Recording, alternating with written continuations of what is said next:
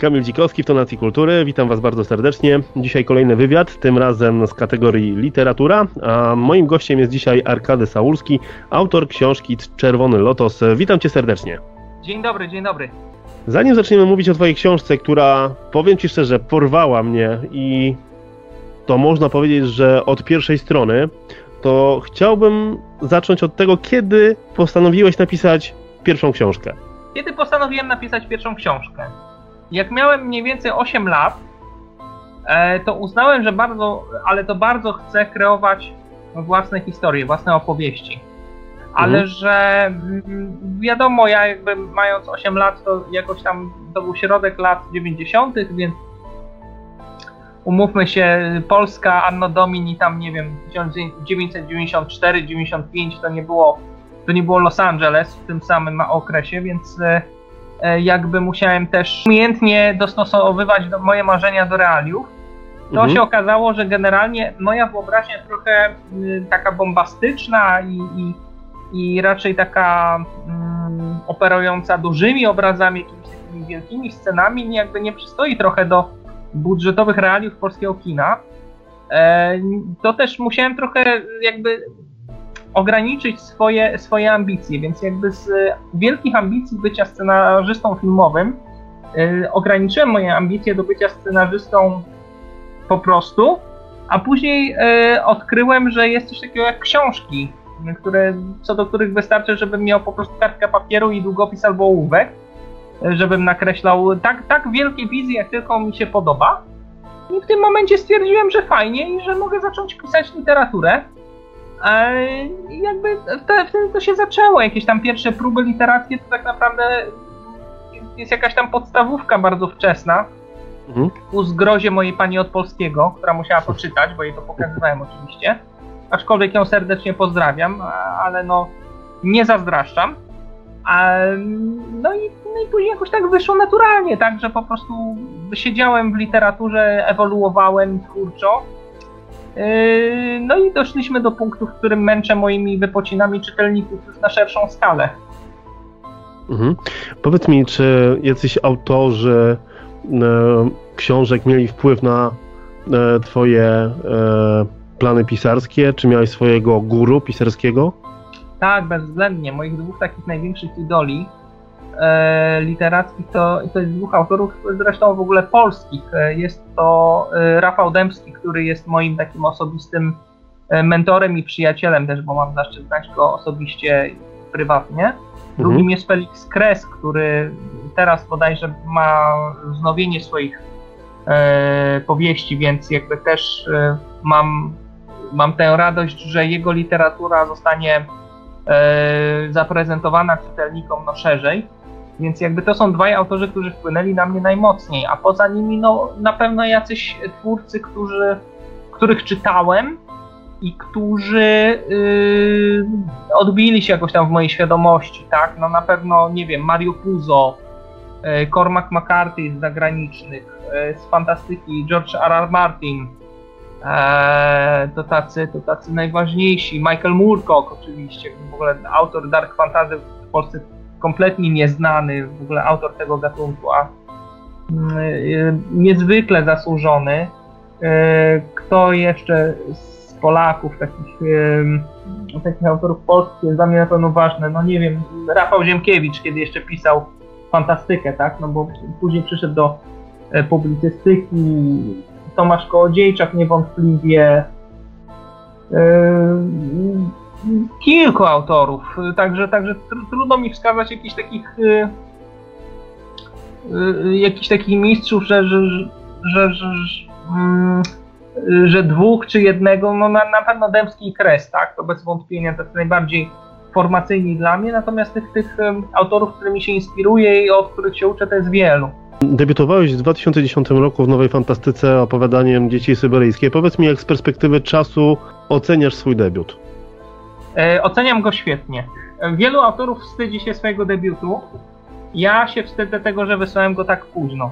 E, Dzieci Syberyjskie to jest tekst, który napisałem mając 15 lat. Jakoś tak y, to było tak. To, to, to w ogóle jest tekst, y, który mi się przyśnił, jak leżałem w szpitalu. E, napisałem go od razu po wyjściu ze szpitala tego samego dnia, jakoś nie wiem, pompowany adrenaliną po tym, że w ogóle przeżyłem ten szpital. Trudno mi, trudno mi to jednoznacznie ocenić. No w każdym razie napisałem taki, takie opowiadanie jedno i później jeszcze kolejne. No i ono generalnie leżało, bo ja się trochę wstydziłem, uznając, że ono jest za słabe, żeby je gdziekolwiek opublikować ale w którymś tam momencie swojego życia wysłałem ją y, jej na, na zasadzie takiego ryzyk fizyka, gdzieś tam je wyślę. E, no i cóż, no i wyszło, że Maćkowi Parowskiemu, czyli świętej pamięci y, ober redaktorowi Nowej Fantastyki, ono się bardzo spodobało. E, od razu je opublikował, opublikował je prawie, że poza jakimiś tam zmianami redakcyjnymi, to bez jakichś wielkich korekt. E, i w ogóle nim zachwycony i ja tylko żałuję, że nie, nie opublikowałem, nie, nie wysłałem go do Nowej Fantastyki od razu, kiedy je napisałem, no bo byłbym jednym z najmłod, najmłodziej debiutujących autorów w Polsce. Według mnie to bardzo duży sukces, bo Nowa Fantastyka jest bardzo długo na naszym rynku i tam też pojawiają się bardzo e, fajne teksty. Myślę, że ja też swojego czasu kupowałem e, Nową Fantastykę ze względu właśnie nie na te informacje, które były związane z filmami, tylko bardziej właśnie na teksty, które można było znaleźć właśnie e, w środku tego czasopisma. Przejdźmy do Czerwonego Lotosu, bo wiem, że kultura japońska jest obecna w Twoim życiu. I czy to właśnie, że ta kultura japońska w Twoim życiu jest tak obecna, spowodowało to, że powstał Czerwony Lotos? Tak, tak, niewątpliwie. Trochę się sam sobie dziwię, że dopiero teraz się zdecydowałem na sięgnięcie po ten temat. Powiem tak. Yy, moje życie jest y, rodzinnie, tak, także bardzo blisko związane z Japonią. Mój dziadek był ekonomistą w Tokio przez kilka lat. Moja mama jest wykształcenia japonistką. E, moi kuzyni są w połowie Japończykami. Moja ciocia do dziś pracuje, no nie, do dziś to nadużycie, bo już przeszła na emeryturę chyba w tym roku, ale pracowała przez większą część swojej kariery zawodowej, e, mając kontakty właśnie z Japonią. E, więc e, rzeczywiście du, duża część mojego życia, o ile nie większa część mojego, mojego życia była związana z Japonią i sam trochę się drapię po głowie, zastanawiając się, czemu wcześniej na to nie wpadłem, żeby pisać o Japonii. Odpowiedź, która mi się nasuwa, jest y, jedna, to znaczy e, właśnie ze względu na to, że było to dla mnie tak oczywiste, że Japonia jest częścią mojego życia, że, że z kulturą japońską ja miałem częściej do czynienia niż z kulturą polską, to właśnie być może dlatego tak późno się na to zdecydowałem. Pewne rzeczy, kiedy są dla nas oczywiste, to nam umykają. I mhm. chyba w moim wypadku tak było.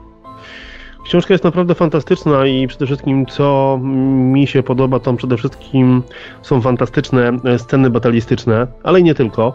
E, powiedz mi, jak zbierałeś materiały do e, napisania Czerwonego Lotosu i czy są tam też te fakty historyczne? Jak, one, jak ta książka ma się do historii Japonii? Yy, research do, do, książki był dość banalny, bowiem ja mając ogromną, e, ogromne wsparcie w postaci biblioteki mojej mamy japonistki, e, która posiada no, no, no, naprawdę przepastne zbiory źródeł, książek, opracowań, e, albumów, nie albumów, zdjęć, grafik, obrazów dotyczących Japonii właśnie z czasów swoich studiów i swojej edukacji. Więc jakby tutaj po prostu no, mogłem tylko wejść do pokoju i, i wręcz sam byłem porażony tym, jak wiele źródeł jest do mojej dyspozycji. E, więc tutaj jakby nie było, nie było problemu z dostępem do źródeł, tylko był problem z wyborem tego, z czego chcę korzystać.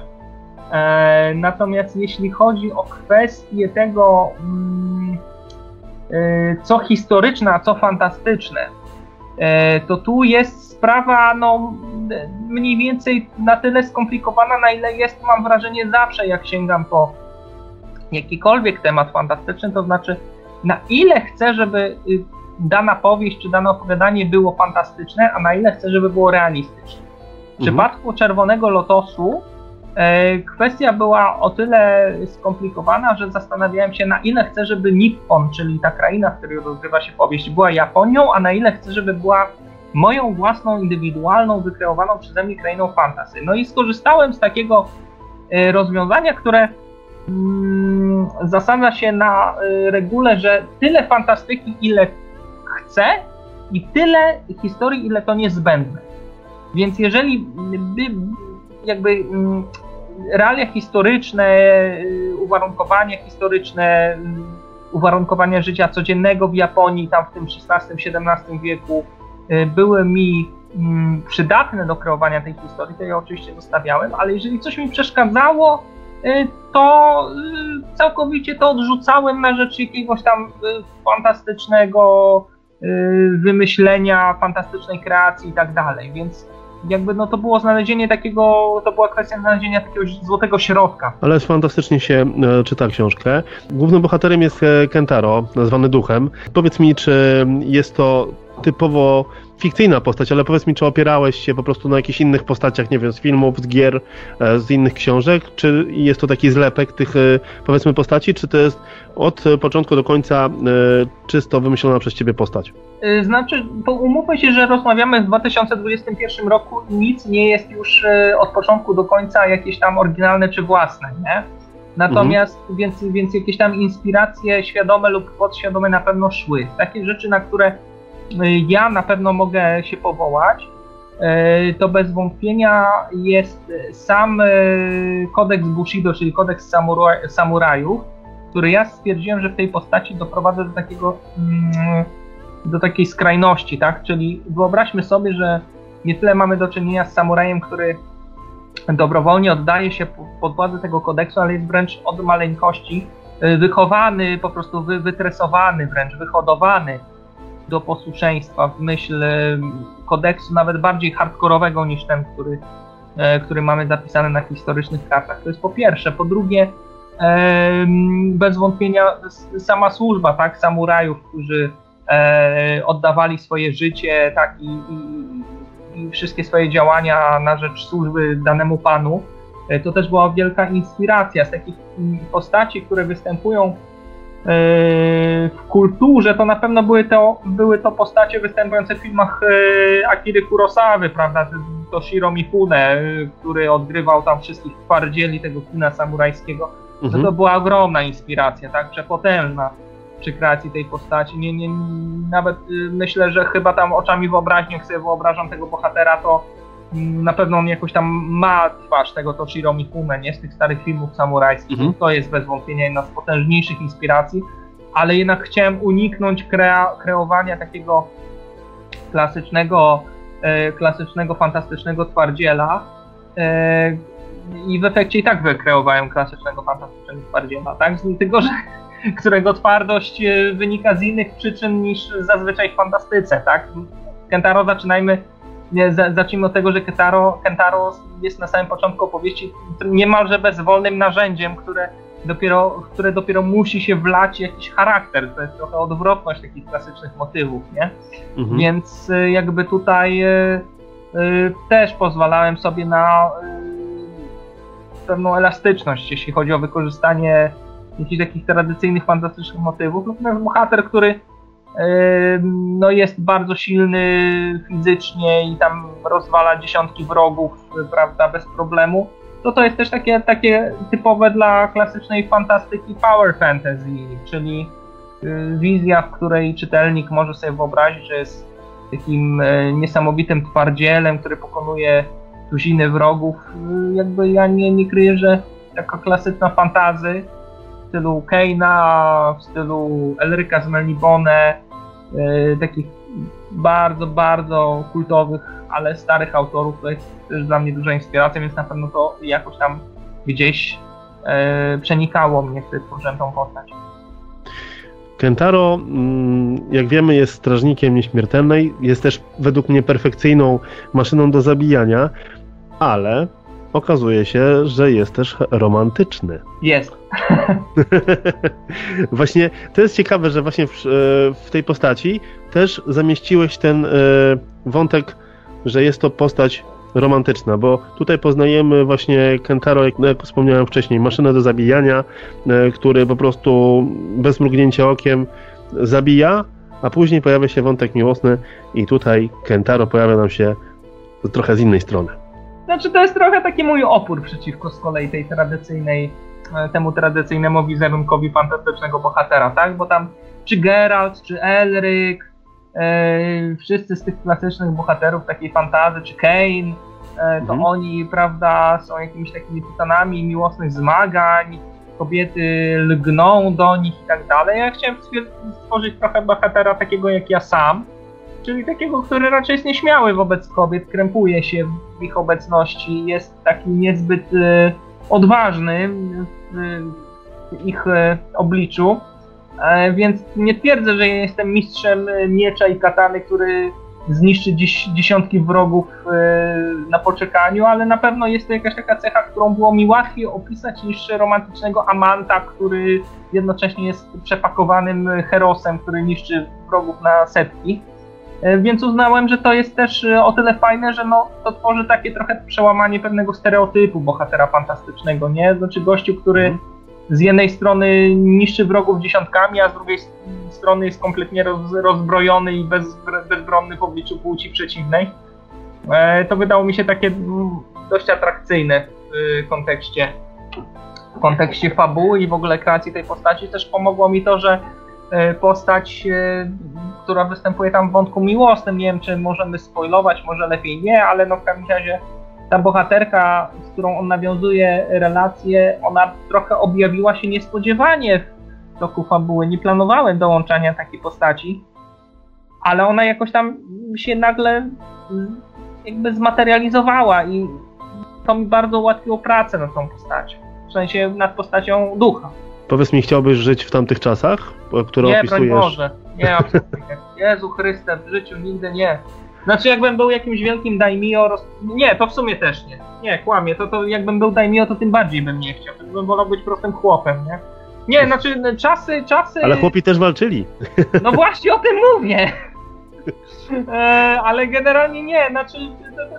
Japonia jest y, bardzo, bardzo atrakcyjną kulturą, natomiast y, wiek XVI, XVII, XVIII, nawet wcześniejsze epoki, to powiem tak, my mamy taki zwyczaj rozliczania Europy e, dawnej, średniowiecznej z okropieństw, które miały wtedy miejsce. Powiem wam tak, wszyscy drodzy słuchacze, gdybyście marzyli o tym, żeby być feudalnym chłopem w Europie w porównaniu do bycia feudalnym chłopem w Japonii, na Boga. W życiu bym nie chciał na przykład być w XVII wieku Japończykiem. W dowolnej, w dowolnej naprawdę, e, w dowolnym układzie. No po prostu e, kraj bardzo mal, maleńki, tak? Mhm. I będący sparaliżowany niezwykle, jak, nawet jak na owe czasy, brutalną wojną domową, która de facto doprowadziła 90% obszaru państwa do gospodarczej ruiny. Jeżeli oglądamy filmy Kurosawy, w których są całe opustoszałe wioski z powywieszanymi chłopami, wymordowanymi, y, polami, które zarastają chwastami, prawda, I, i, pojawia się tam samotny bohater, który patrzy na tą, tą orgię zniszczenia, to nie jest hiperbola. To są realia ówczesnej epoki. Dlaczego Tokugawa Ieyasu, czyli ostatni zjednoczyciel Japonii, jest tak ceniony, tak, jest otoczony takim kultem yy, na wyspach japońskich? Właśnie dlatego, że on doprowadził do zakończenia tej brutalnej, bezwzględnej, niesłychanie wręcz okrutnej wojny domowej, która trawiła ten kraj, więc absolutnie bym nie chciał żyć. Zdecydowanie wolę być gościem, który siedzi przed kąpem i kle, kle, klepie w klawisze. E, powiedz mi, walczysz trochę na miecze, czy tak już wchłonęła cię e, właśnie kultura Japonii, że możemy czasem cię zobaczyć z mieczem, z kataną?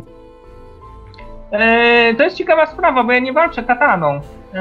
Ja przez 10 lat mniej więcej jestem związany, byłem związany z tak zwaną HEMA, czyli rekonstrukcją europejskich sztuk walki bronią białą. E, co mi pomogło przy pisaniu moich książek fantazy.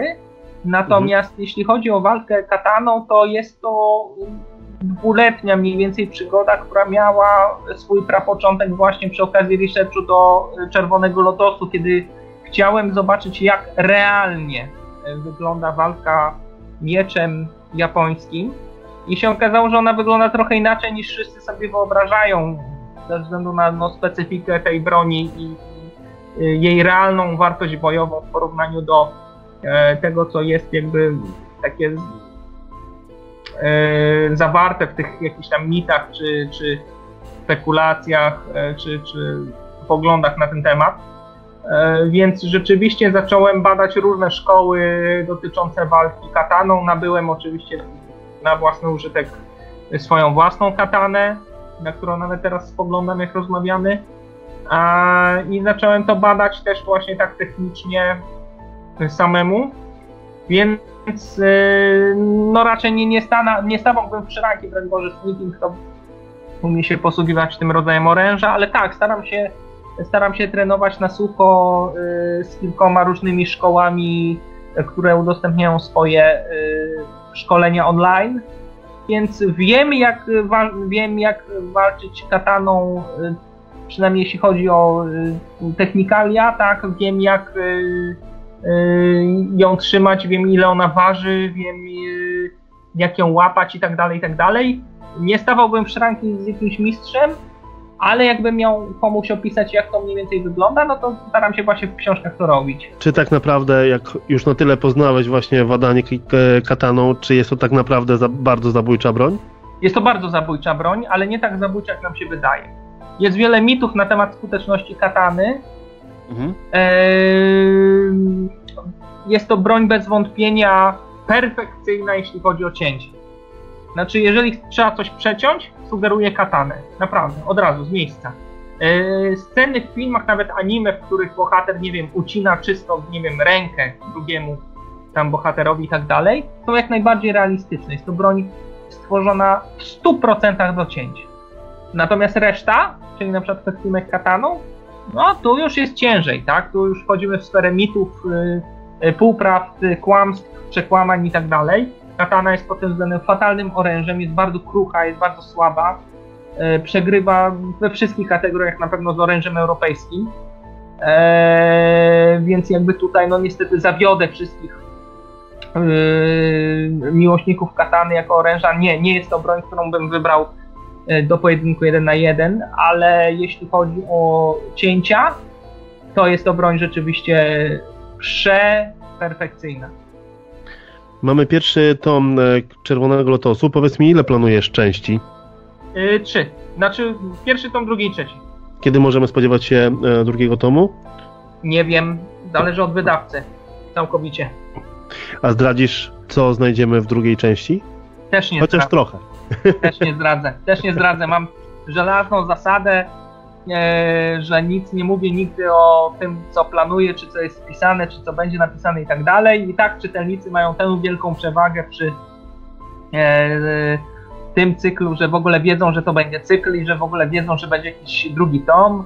Także nic więcej proszę ode mnie nie wyciągać i tak nie zdradzę. Arkady, nie uważasz trochę, że ostatnimi czasy jest tak, że e, temat średniowiecza, e, historycznych wydarzeń jest dosyć mocno eksploatowany. Nie mówię też o książkach, bo mówię też o serialach, e, programach.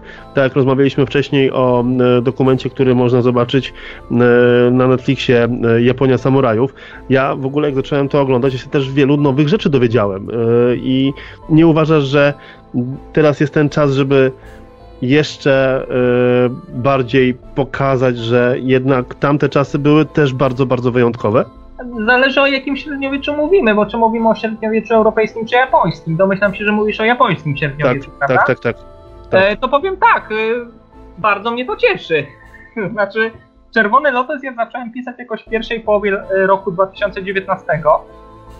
E, stąd zawsze mnie bawi, jak ktoś mi zwraca uwagę, że o, bo Sauski się tam wpasował, teraz jest moda na samurajów i tak dalej daj mi Boże taką umiejętność y, przewidywania, że ja za dwa, przewidzę, co będzie popularne za dwa lata.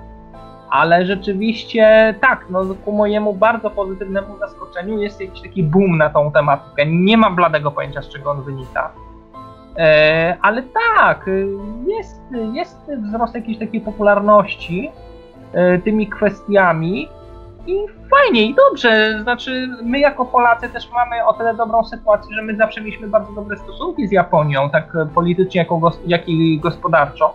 Mhm. Y, Więc myślę, że to jest coś, co powinniśmy dyskontować w ogóle jako kraj, jako państwo, jako naród. I, jeżeli ja y, pisząc książkę o Japonii mogę dorzucić jakąś skromną cegiełkę do tego, żeby więcej ludzi zainteresowało się tym odległym, a bardzo ciekawym krajem, no to ty, ty, tym lepiej.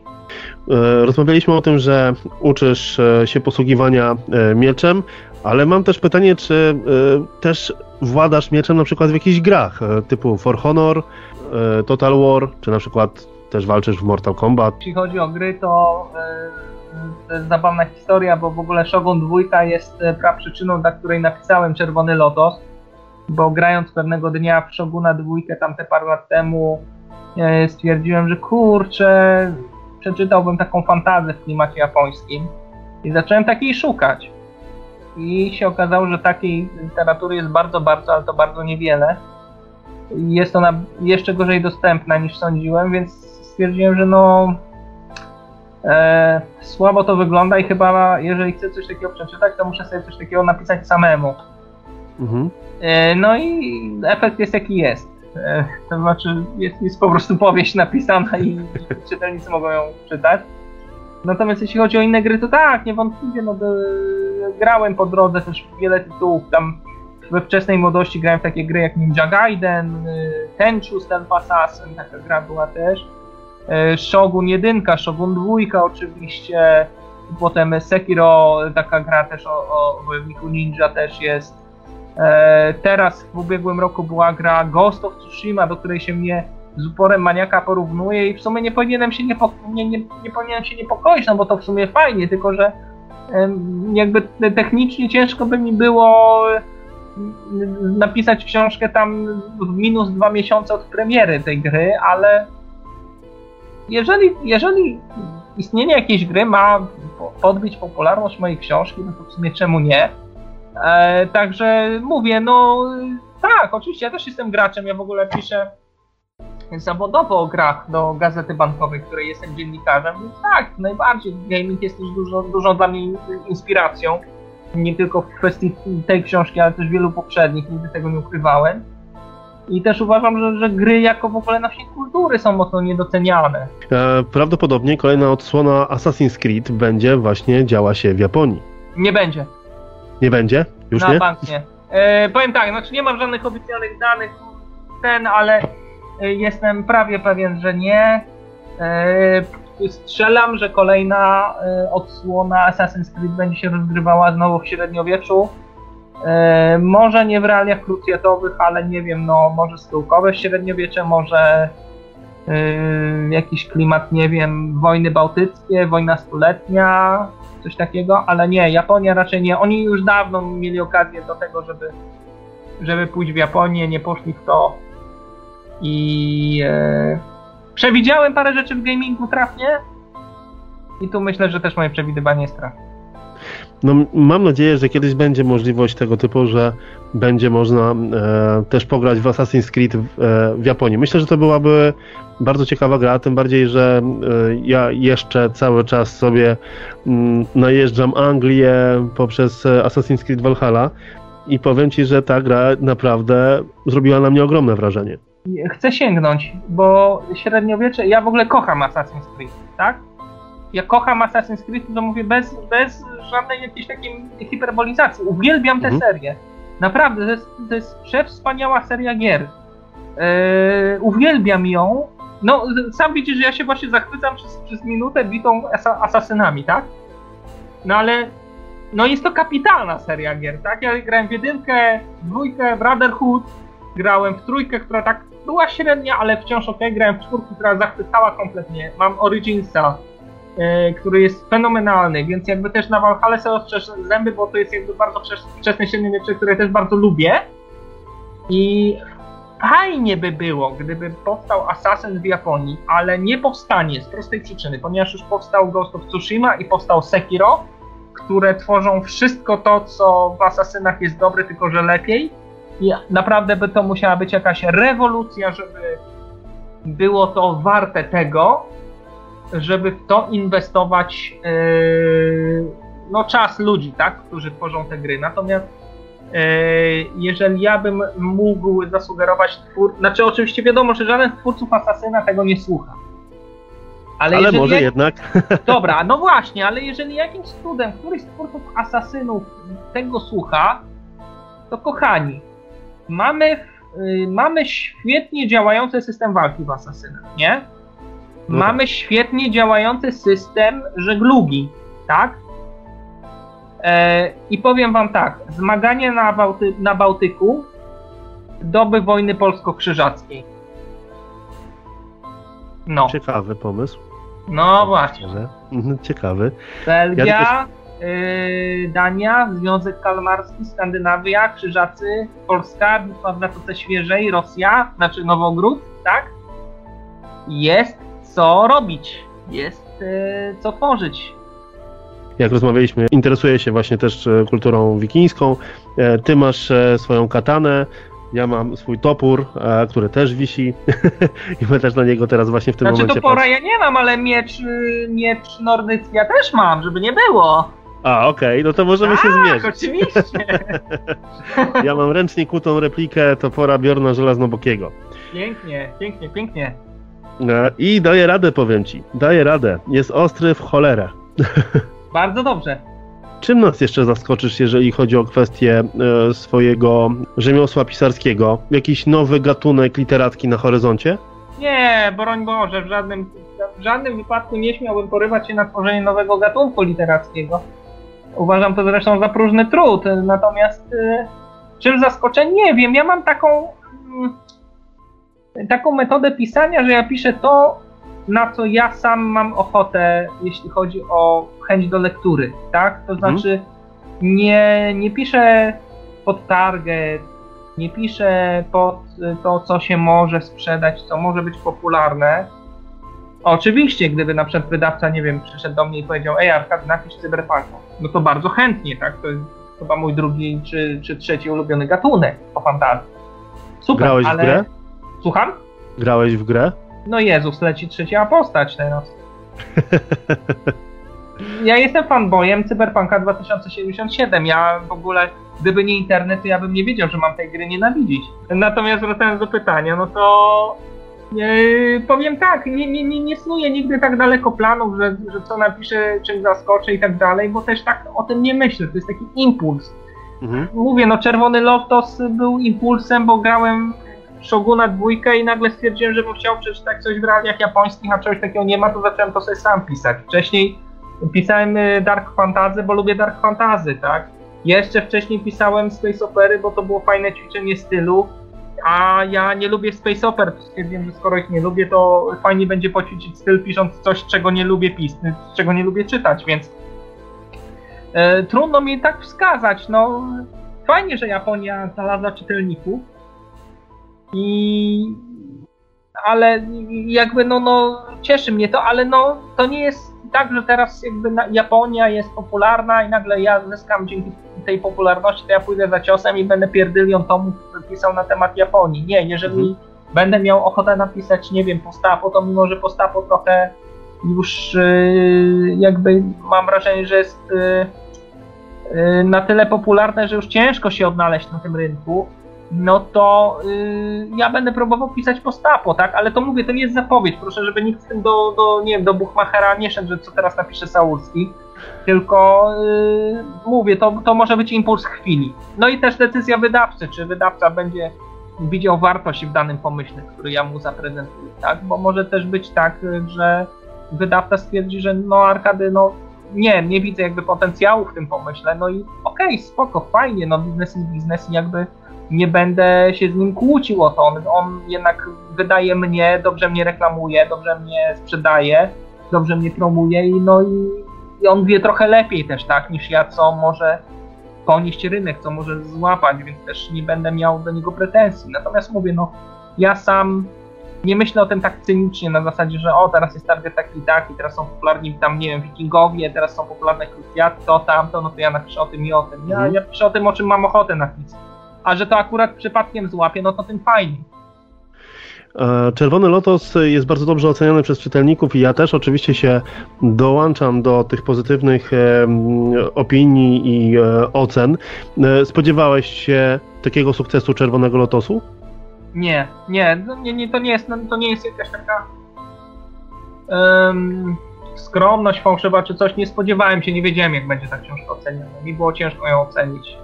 Wchodziłem w, klim, w ten klimat bardzo niepewny e, i, i, i trudno mi było wskazać, czy to w ogóle będzie popularne, czy nie. Czy to zbierze dobre oceny, czy nie.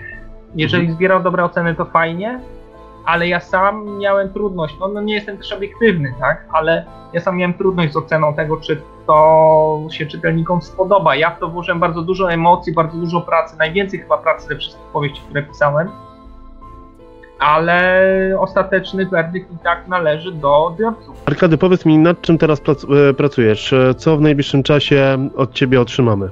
Twardo drugi tom. Nie lubię wybiegać za daleko jakoś tam w przyszłość, jak już mówiłem, więc bardzo skupmy się na drugim tomie. Pierwszy tom jest, drugi tom powstaje, a dalej pewnie będzie trzeci tom oczywiście, a dalej to nie wiem.